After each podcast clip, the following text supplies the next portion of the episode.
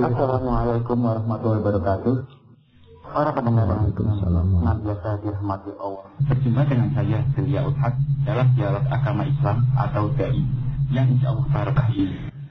Pada kesempatan kali ini dengan tema yang akan kita bahas adalah akhlak generasi milenial. Dan saya di sini bersama Bapak Haji Fakhrudin selaku Kepala Jurusan atau Kadir KPI IAM Pekalongan yang cukup ilmu tentang pemahaman mengenai permasalahan pada tema kali ini. Assalamualaikum Bapak. Waalaikumsalam Mas Diaul Haq. Sehat ya Pak. Alhamdulillah sehat. Diberikan kebahagiaan. Ya, semoga Mas Dia juga semua pemirsa juga sehat semuanya. Alhamdulillah saya senang sekali bisa berada di tengah-tengah radio Maharadio untuk Namun sebelum masuk ke topik pembahasan, pada kali ini kita dengarkan dulu lagu yang lagu dari Office yang berjudul Ramu, Adil Spelling and Version Only Maharadio.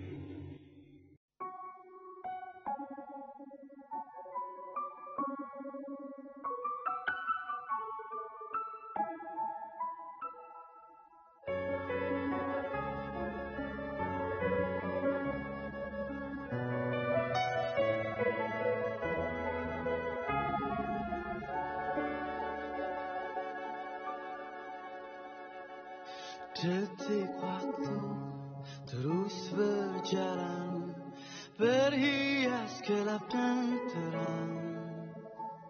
Suka dan duka Tangis dan tawa Tergores bagai lukisan. Seribu mimpi Berjuta sepi hadir bagi teman sejati.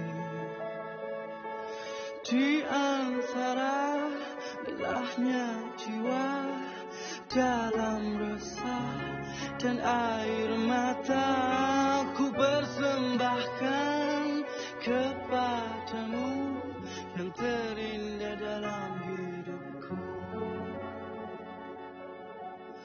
Meski ku rapuh rangka dalam tak setia kepadamu namun cinta dalam jiwa hanyalah padamu maafkanlah bila hati tak sempurna mencintaimu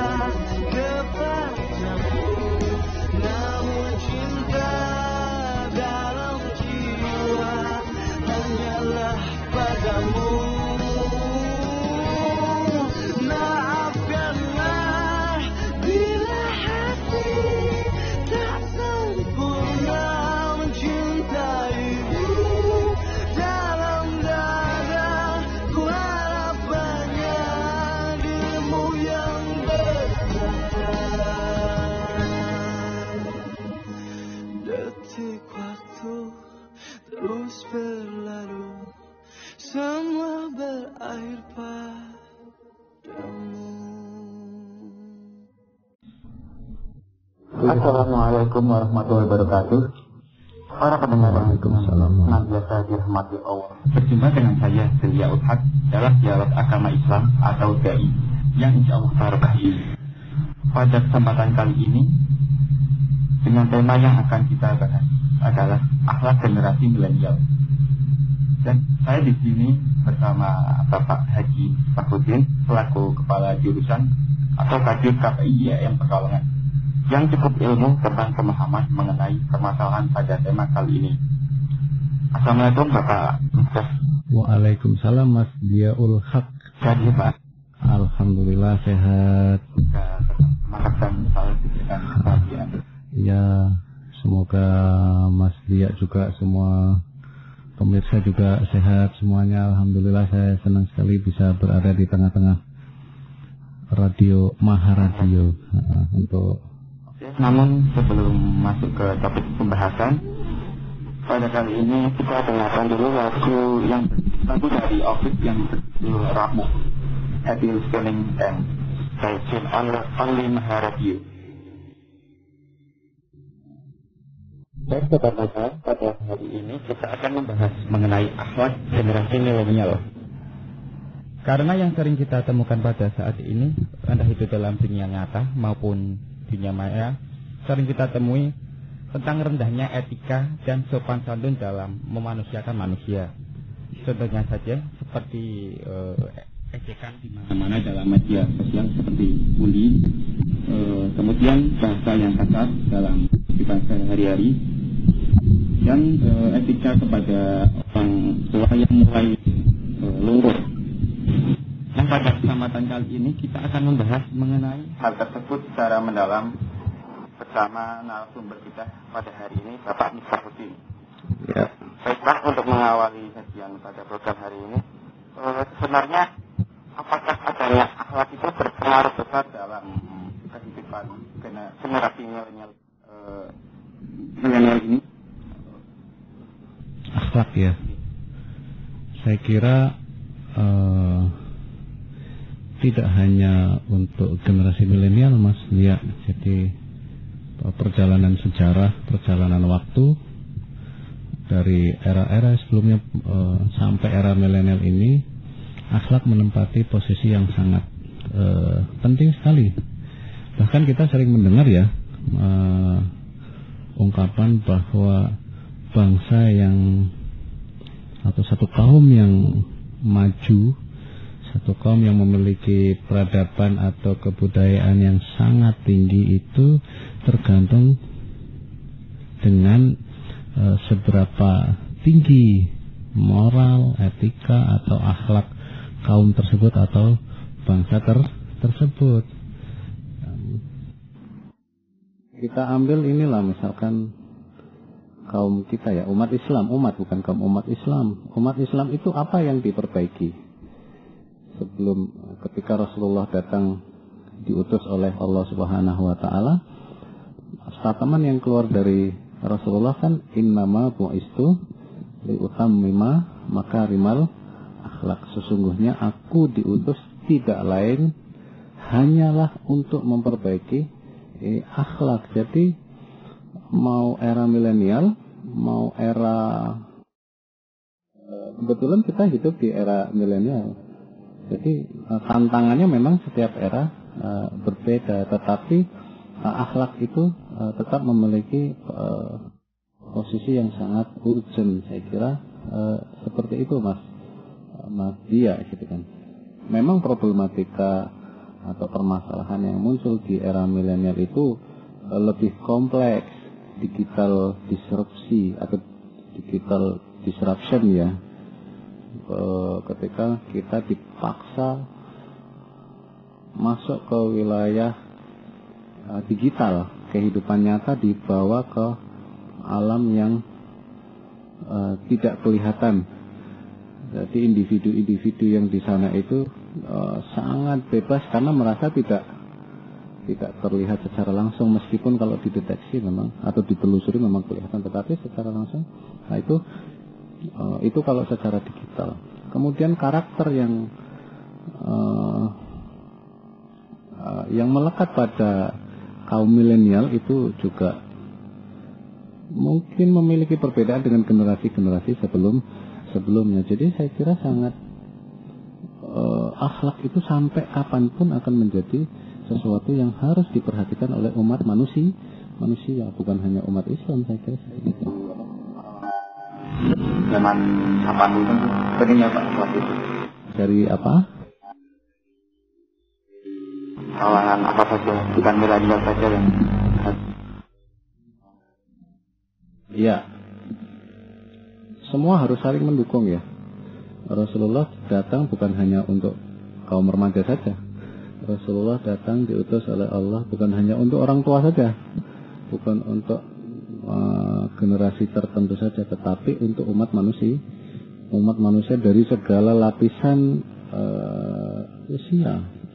Milenial ini kan melekat pada generasi tertentu ya. Antum lahir tahun berapa Mas ya? Tahun 2001. 2001 itu masih milenial ya?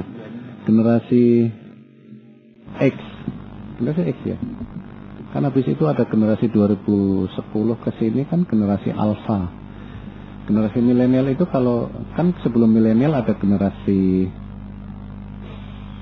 Z ya. Atau apa saya lupa itu.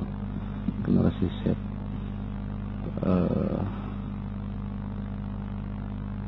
jadi uh, tidak terbatas oleh generasi ter atau usia tertentu tidak. Jadi hanya saja memang uh, karena permasalahan yang dihadapi oleh masing-masing uh, usia atau masing-masing era itu juga berbeda pasti akan ada penyesuaian-penyesuaian.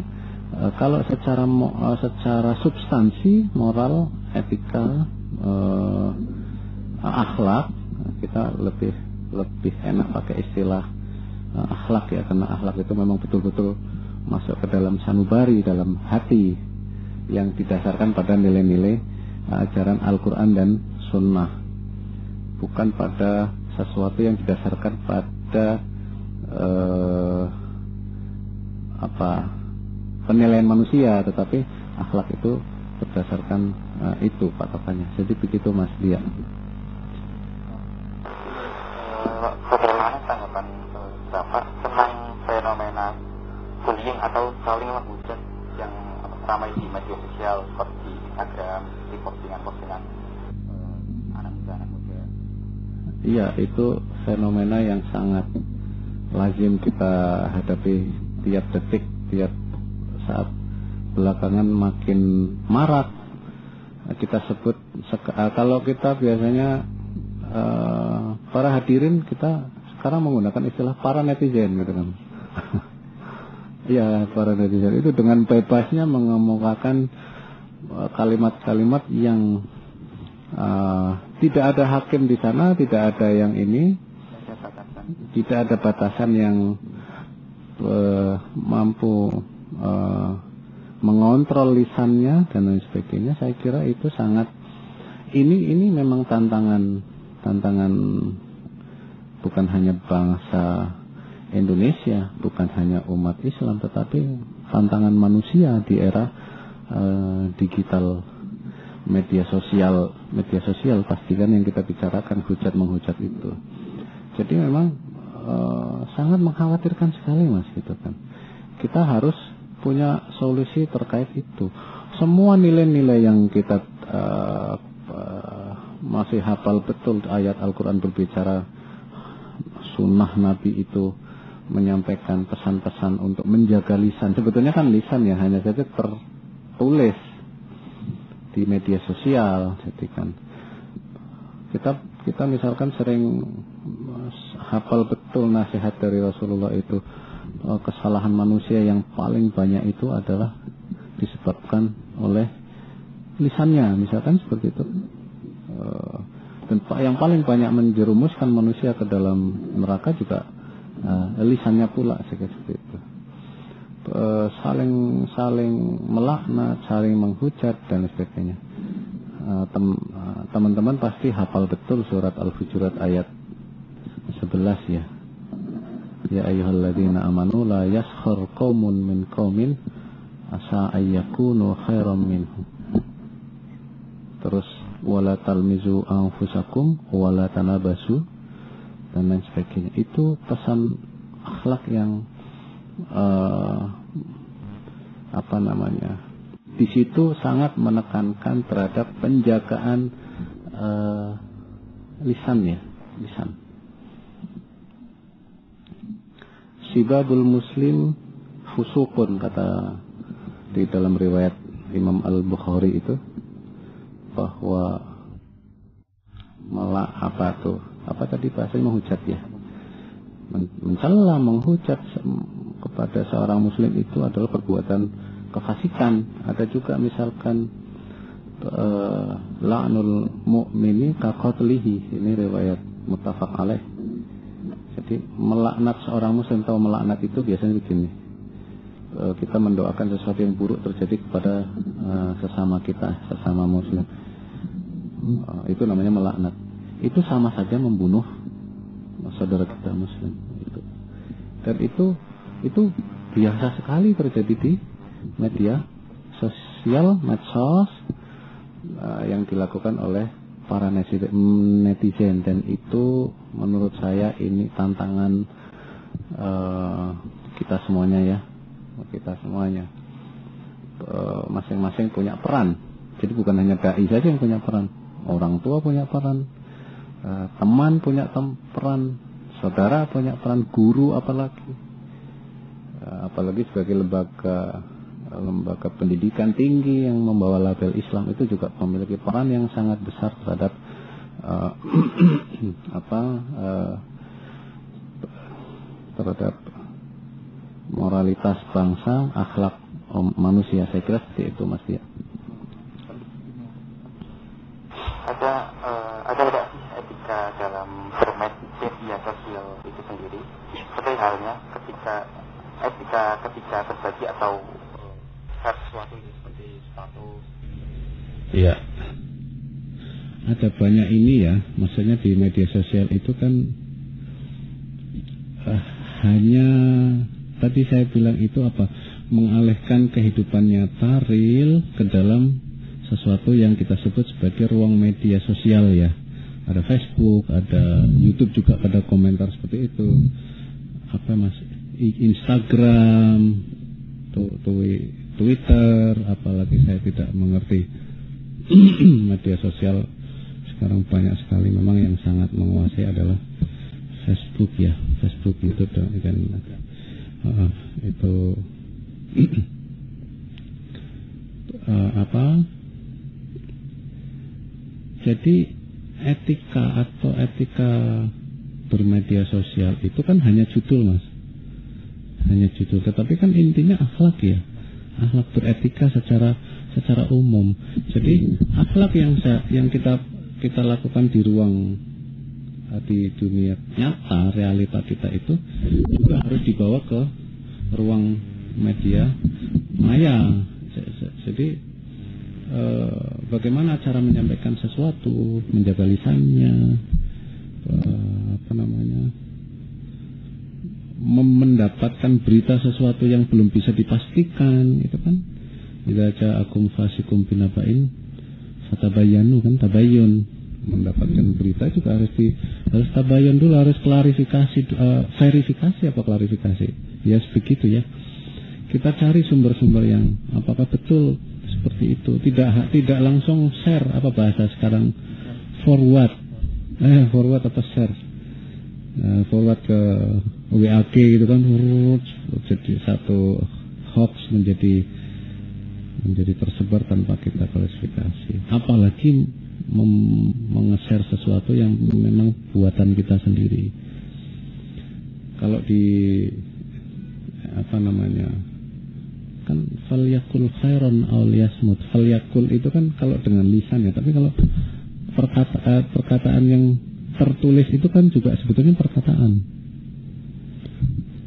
perkataan Rasulullah itu yang tertulis namanya had, semuanya hadis ya atau sunnah ya itu kan perkataan Rasulullah.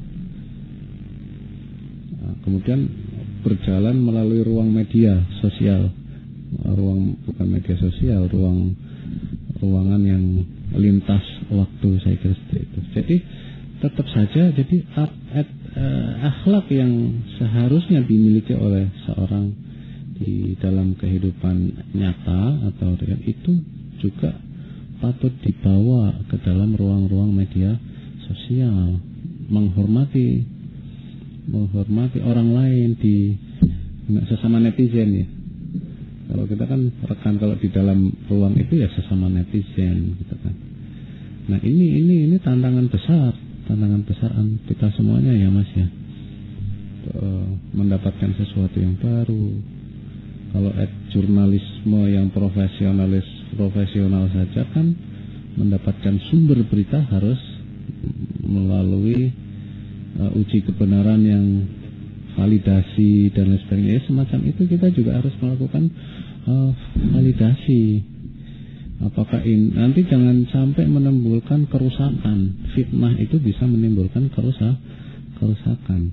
Satu kalimat yang uh, salah diucapkan atau sengaja diciptakan itu untuk membuat orang lain ter, uh, ter apa namanya uh, celaka itu bisa menimbulkan fitnah. Al fitnah itu asyadu minal minal qatl. Saya kira uh, banyak sekali kita judulnya etika bermedia sosial. Tetapi item-item yang ada di dalamnya harus kita apa breakdown ya banyak sekali yang harus kita perhatikan. Sharing forwarding apa mana mas itu. Kemudian istilah-istilah dalam ini ya komen ya komen mention bahkan like and dislike saja kan tidak pernah kita perhatikan. Ini dislike ini me, antum punya konten. Bagaimana perasaan antum melihat jempol ke bawah itu ketika jumlahnya banyak sekali? Iya sakit hatinya kan sakitnya itu di sini. Apalagi dengan ucapan-ucapan yang masya Allah itu netizen. Mudah-mudahan ini yang julid. Ya, saya iya begitu julid gitu kan? Ah, pasti perasaan yang mendengar yang punya konten itu atau yang memposting itu nge-share itu pasti terluka. Uh, apa namanya? Seseorang yang sempurna imannya itu seorang muslim sempurna imannya itu kalau man salimal muslimu min lisanihi wa yadihi. Oh, muslim lain itu selamat dari atau manusia yang lain itu selamat dari lisannya maupun perbuatan perbuatannya saya kira seperti itu. Jadi tetap harus etikanya tetap harus gitu kan. Tinggal bagaimana ini gitu. Monggo. Sekarang ini eh, menjadi tantangan pertamanya pak tentang medsos itu. Betul. Semua namanya kebebasan berpendapat itu sangat uh, kita lihat sekali lah. Iya. Di uh, pengalaman saya itu kayak apa namanya di apa, share berita dari kerabat saya itu. Betul. Kayak penebak apa ujaran kebencian itu uh. enggak ada sterilisasinya. Munculnya ujaran kebencian juga ada di era kita ya. Uh, bullying apalagi gitu kan memang memang seperti itu tantangan ini bukan tantangan umat Islam saja tantangan manusia di di digital disruption ini seperti ini uh, seorang dai memiliki tantangan bagaimana ini cara me, membenahi sesuatu yang sudah seperti ini kan tetapi itu memang kita tidak ada paksaan di situ ya. Dakwah dakwah juga harus menggunakan cara-cara yang uh, baik, cara-cara yang tidak uh, melukai sasaran dari dakwah itu sendiri. Monggo Mas. Ya. Dakwah milenial ya. Dakwah milenial. Orang itu uh, mempunyai pandangan yang berbeda-beda misalnya uh, ada yang termatas ini misalnya ada yang tersinggung gitu Pak gimana Pak? Misalnya enggak enggak tidak menyinggung perasaan orang kayak gitu. Ini terkait pendapat ya. ya begitu Al-Quran saja mengatakan kan Al-Quran itu membuat istilah uh, penglihatan ya al-absar itu selalu dengan uh, ya kadang jam mufrad kata tunggal banyak banyak sekali yang jamak jamak itu plural ya al-absar penglihatan itu menunjukkan bahwa memang manusia itu memiliki sudut pandang, point of view, point of view yang berbeda-beda, pemahaman yang berbeda-beda. Saya melihat Mas Dia dari depan ini seperti Jokowi. Dari samping seperti uh, Tukul misalnya. Dari atas seperti Adirai misalnya juga. Itu uh, Mas Dia juga sering apa itu? Itu namanya apa? Ah, selfie antum selfie pasti uh, mengarahkan kamera itu ke sudut pandang yang menurut antum paling suka. Ini menurut antum kan, padahal menurut orang lain belum belum tentu suka. Oh, ini kamu malah bagus yang seperti ini, itu menunjukkan seperti itu. Tapi kalau pendengaran itu uh, satu, mesti dalam bentuk tung. Ini ini ini sekedar uh, pendahuluan saja. Allah itu menciptakan buah-buahan itu beraneka ragam. Pisang itu ada berapa jenis pisang? Kalau di Indonesia ada 300-an saya pernah baca itu. Walau alam benar apa tidak gitu. ada ratusan jenis pisang. Itu kalau saya kelupas tanpa uh, saya punya 10 saja. 10 saja jenis pisang. Saya kelupas saya tanpa harus memberitahu Mas Lia jenis apa saja ya. Pisang ambon pisang rojo rojo nongko pisang susu pisang kapas pisang goreng. Pisang goreng. Pisang crispy. Oh itu nggak ada tanamannya pisang crispy saya potong-potong saya taruh di mangkok saya sodorkan ke mas dia saya tutup matanya Mas dia makan. Itu yang kamu makan apa? Jawabannya pasti pisang. Apa pun itu jenisnya pasti pi, uh, pisang. Nah itu maksud saya begini. Pandangan yang berbeda-beda. Uh, ini kita dalam beragama Islam maksud saya ya. Saya menangkap pertanyaannya begitu sih. Dalam memahami syariat misalkan seperti itu ya. Uh, ini ilustrasi saja misalnya kita memang uh, apa namanya uh, sering kali melihat hal-hal semacam itu perbedaan pemahaman terhadap teks-teks atau nas Al-Quran maupun nas uh, hadis kemudian difahami dengan uh, alat yang sama sekalipun terkadang menghasilkan sesuatu yang berbeda kesimpulan hukum yang berbeda berbeda berbeda tetapi sumbernya sah sumbernya sah sama Tetapi pada akhirnya kita juga harus menyadari bahwa itu semuanya dalam kerangka uh, menjalankan ajaran Allah dan Rasulullah SAW. Ibaratkan uh, kita juga uh, kita perlu memahami, menyadari bahwa keragaman itu adalah sebuah keniscayaan yang Allah Allah memang uh, desain seperti itu ya. Buah mangga juga seperti itu kan? Saya apa sih buah yang hanya jenisnya satu kok susah sekali kayaknya? Mungkin cipluan yang hanya jenisnya satu. Tapi kan jarang dikonsumsi. Yang kita ketahui mungkin hanya satu gitu. tapi banyak sekali.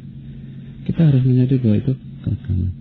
Terus benar e, benar dalam perspektif masing-masing bukan dalam uh, apa namanya tidak menutup kemungkinan adanya kebenaran di uh, pemahaman yang uh, pemahaman yang lain sehingga pada akhirnya ketika kita memahami seperti itu ketika menyampaikan sesuatu juga kita perlu hati-hati agar tidak menyinggung orang yang memiliki pandangan yang berbeda, yang berbeda.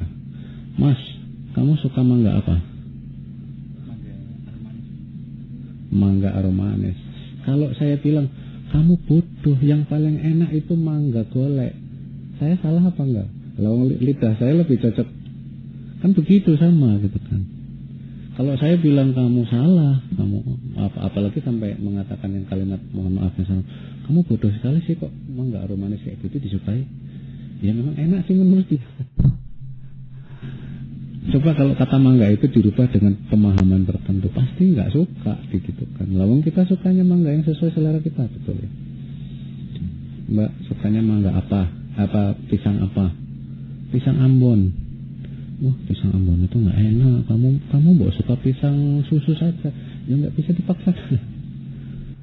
itu masalah lisan. Apa namanya perasa uh, indera perasa. Tapi kalau masalah pemikiran, pemahaman itu kan didasari oleh oleh sesuatu yang uh, kesadaran dia, pemahaman dia yang tidak bisa kita paksakan kayak gitu. Itu sebelum kita menyampaikan sesuatu ya kita harus memahami itu dulu. Gitu. Bahwa angka 10 itu bukan hanya 5 kali 2 apa? Bahwa angka 10 itu juga bisa 9 tambah 1 Bisa juga 8 tambah 2 dan sebagainya. Ya itu mas itu adanya adanya pemaham uh, saling memahami. Memaksakan kehendak. Kalau kita bawa ke ruang uh, netizen ya. Ya mungkin ini menarik ya. Saya nggak belum ngerti arahnya ke mana tadi itu pertanyaan itu terkait media sosial. Terkait akhlak ya itu bagian daripada akhlak juga saya kira. Monggo penjelasan yang sangat luar biasa sekali. Namun sebelum kita lanjut pada pembahasan selanjutnya, kita dengarkan dulu lagu dari Mahajan, insya Allah. Happy listening and strike on Lima Radio.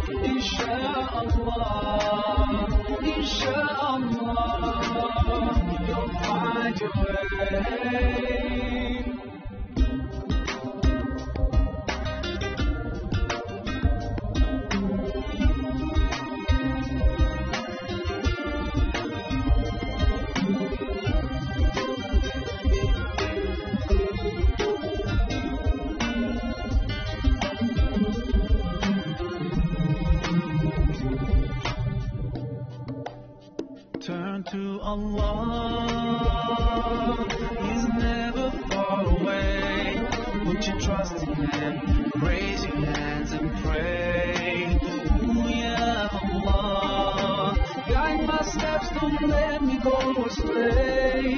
You're the only one who can show me the way.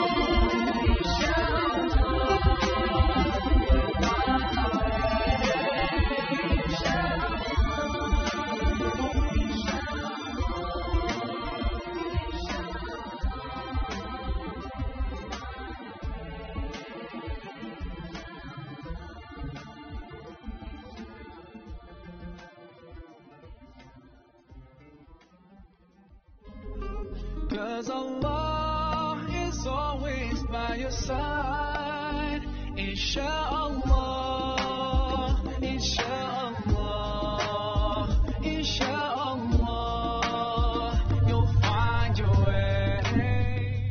Kembali lagi dengan Radio News Entertainment and Religion. Langsung saja ke pertanyaan selanjutnya.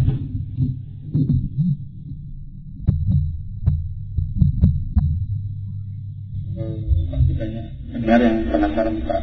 Sebenarnya kenapa sih kita harus eh, apa ya, menerapkan akhlak sebaik, sebaik mungkin dalam kehidupan?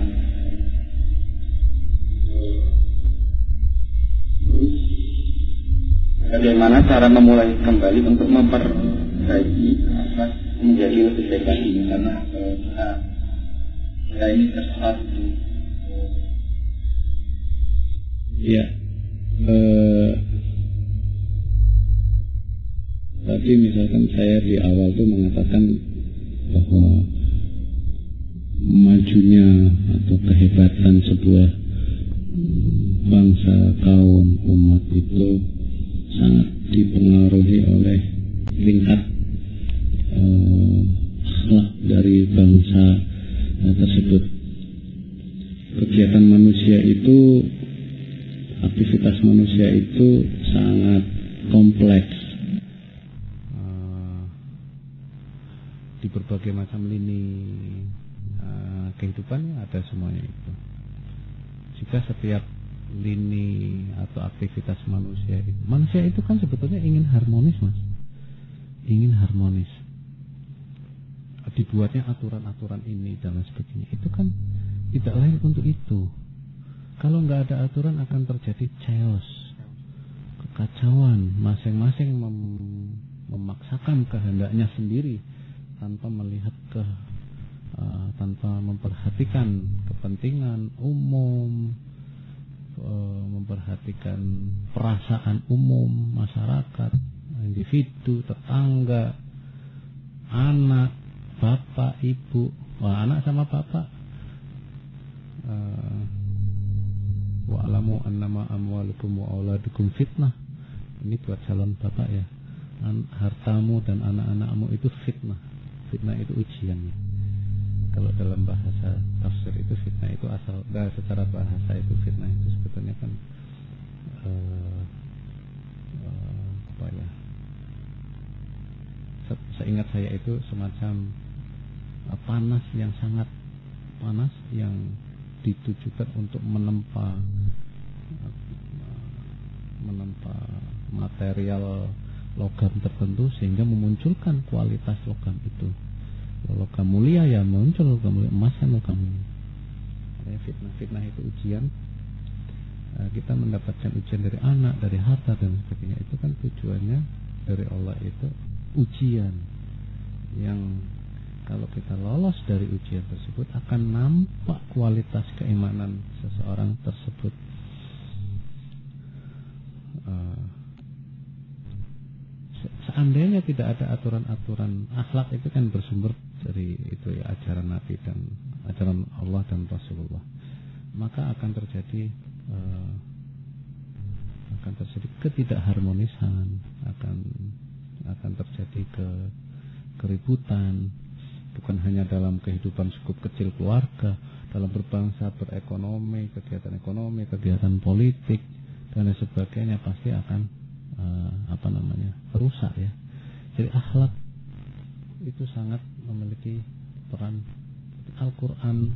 Adanya aturan-aturan seperti itu kan sudah ditegaskan oleh Rasulullah. Innama bu'istu liutamima makarimal akhlak. Aku kata Rasulullah tidak lain diutus melainkan untuk menyempurnakan atau memperbaiki uh, akhlak uh, manusia manusia. Harus ada upaya ya harus ada upaya. Uh, dari berbagai macam uh, pihak bapak orang tua ibu harus harus melakukan pendidikan akhlak pengawasan. Bagaimana anak kecil itu sudah mulai main pinter main gadget gadget ya. Uh, handphone lah handphone modern lah. Yang di situ harus dikontrol. Itu kan pendidikan akhlak uh, diarahkan dan di, dengan pendekatan-pendekatan persuasif.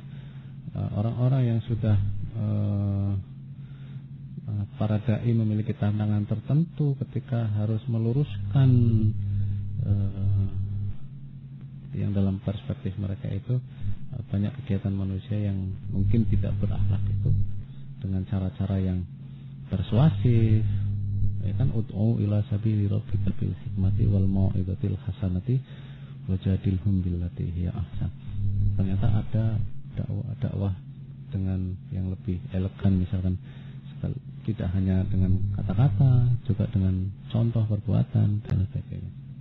Atum punya teman e, memperbaiki akhlak itu kan tidak bisa dengan satu jawaban.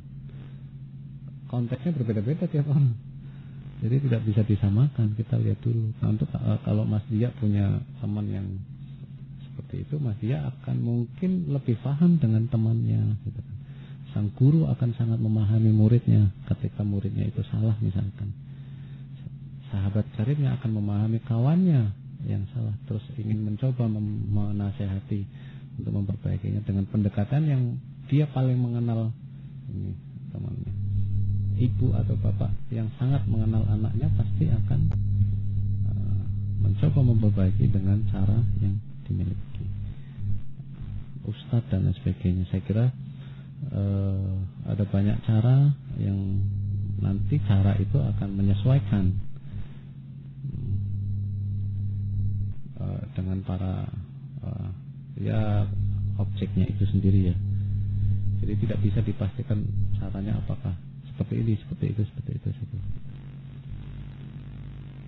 Tapi uh, akhlak itu memang menempati posisi yang sangat mulia sekali atau penting sekali di lini kehidupan manusia dan di era digital ini kita pun di di di dunia digital pun mengenal istilah namanya literasi digital.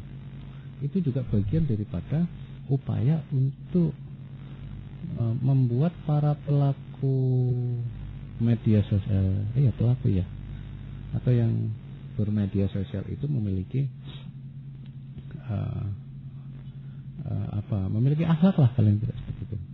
Dan literasi digital bagaimana? Ya tadi arahnya misalkan kita dapat berita itu harus bagaimana? Harus bersikap seperti apa? Berkomentar itu seperti apa? Di WAG saja ada satu teman kita yang membuat komen terus orang lain semuanya pada diam diamnya kita nggak ngerti apakah sibuk belum sempat baca. Eh, tapi terkadang orang memahami oh, aku komen nggak dikomentari. Kan tersinggung ya kan ada hal-hal yang tidak bisa kita ini ada fenomena psikologis baru di dunia media sosial ini hmm, gitu masih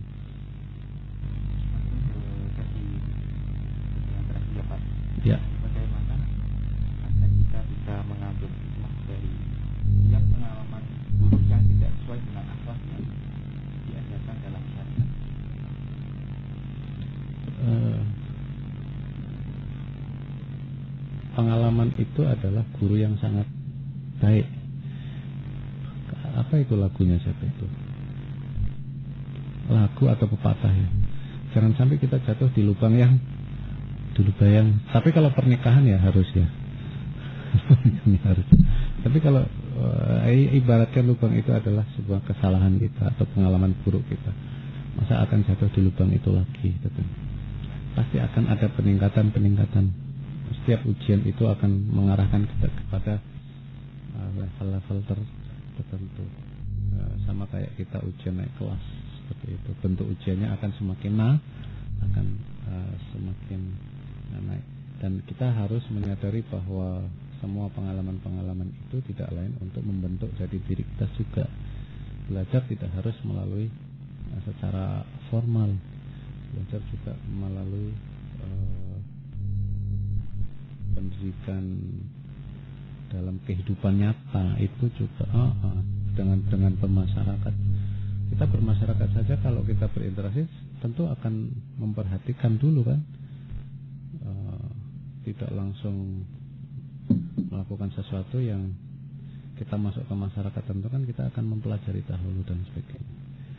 Jadi itu uh, apa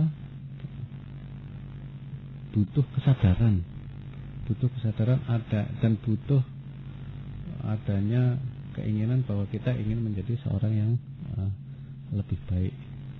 Kecuali tidak ya, maka pengalaman-pengalaman itu ya dianggap angin lalu saja, gitu. Tidak dijadikan, tidak dijadikan. Antum kalau naik mobil, kalau nggak pakai spion atau naik motor, kalau ada yang mau nyalip dari belakang, eh, kan susah. Jadi spion itu ibaratkan kita melihat pengalaman-pengalaman kita yang dulu tapi kan nggak nggak terus menerus kan kalau lihat nyuper lihat spion terus nabrak nanti. Harus tetap lihat ke depan. Tetapi sekali-kali kita juga harus melihat ke belakang, ke belakang. Spion atau kaca yang bisa mengarahkan kita bisa melihat ke belakang sekali. Tidak mungkin kita melihat. Dan di, di dalam perjalanan hidup itu sangat diperlu, sangat diperlukan perjalanan kita dari mulai ini usia ini sekian sekian itu uh, akan kita cermati, akan kita pikirkan, kita sadari, kita olah oh ternyata yang dulu-dulu seperti ini uh, adalah bagian daripada pendewasaan diri. paling tidak seperti itu ya memperbaiki. Begitu Mas Yafi dan itu harus ya.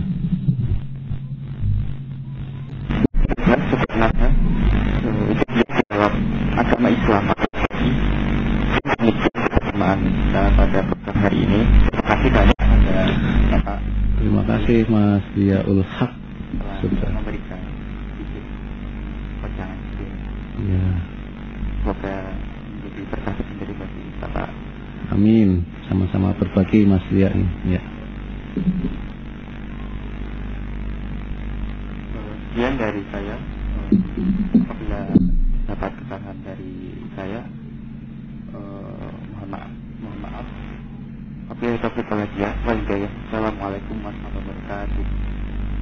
Waalaikumsalam warahmatullahi wabarakatuh.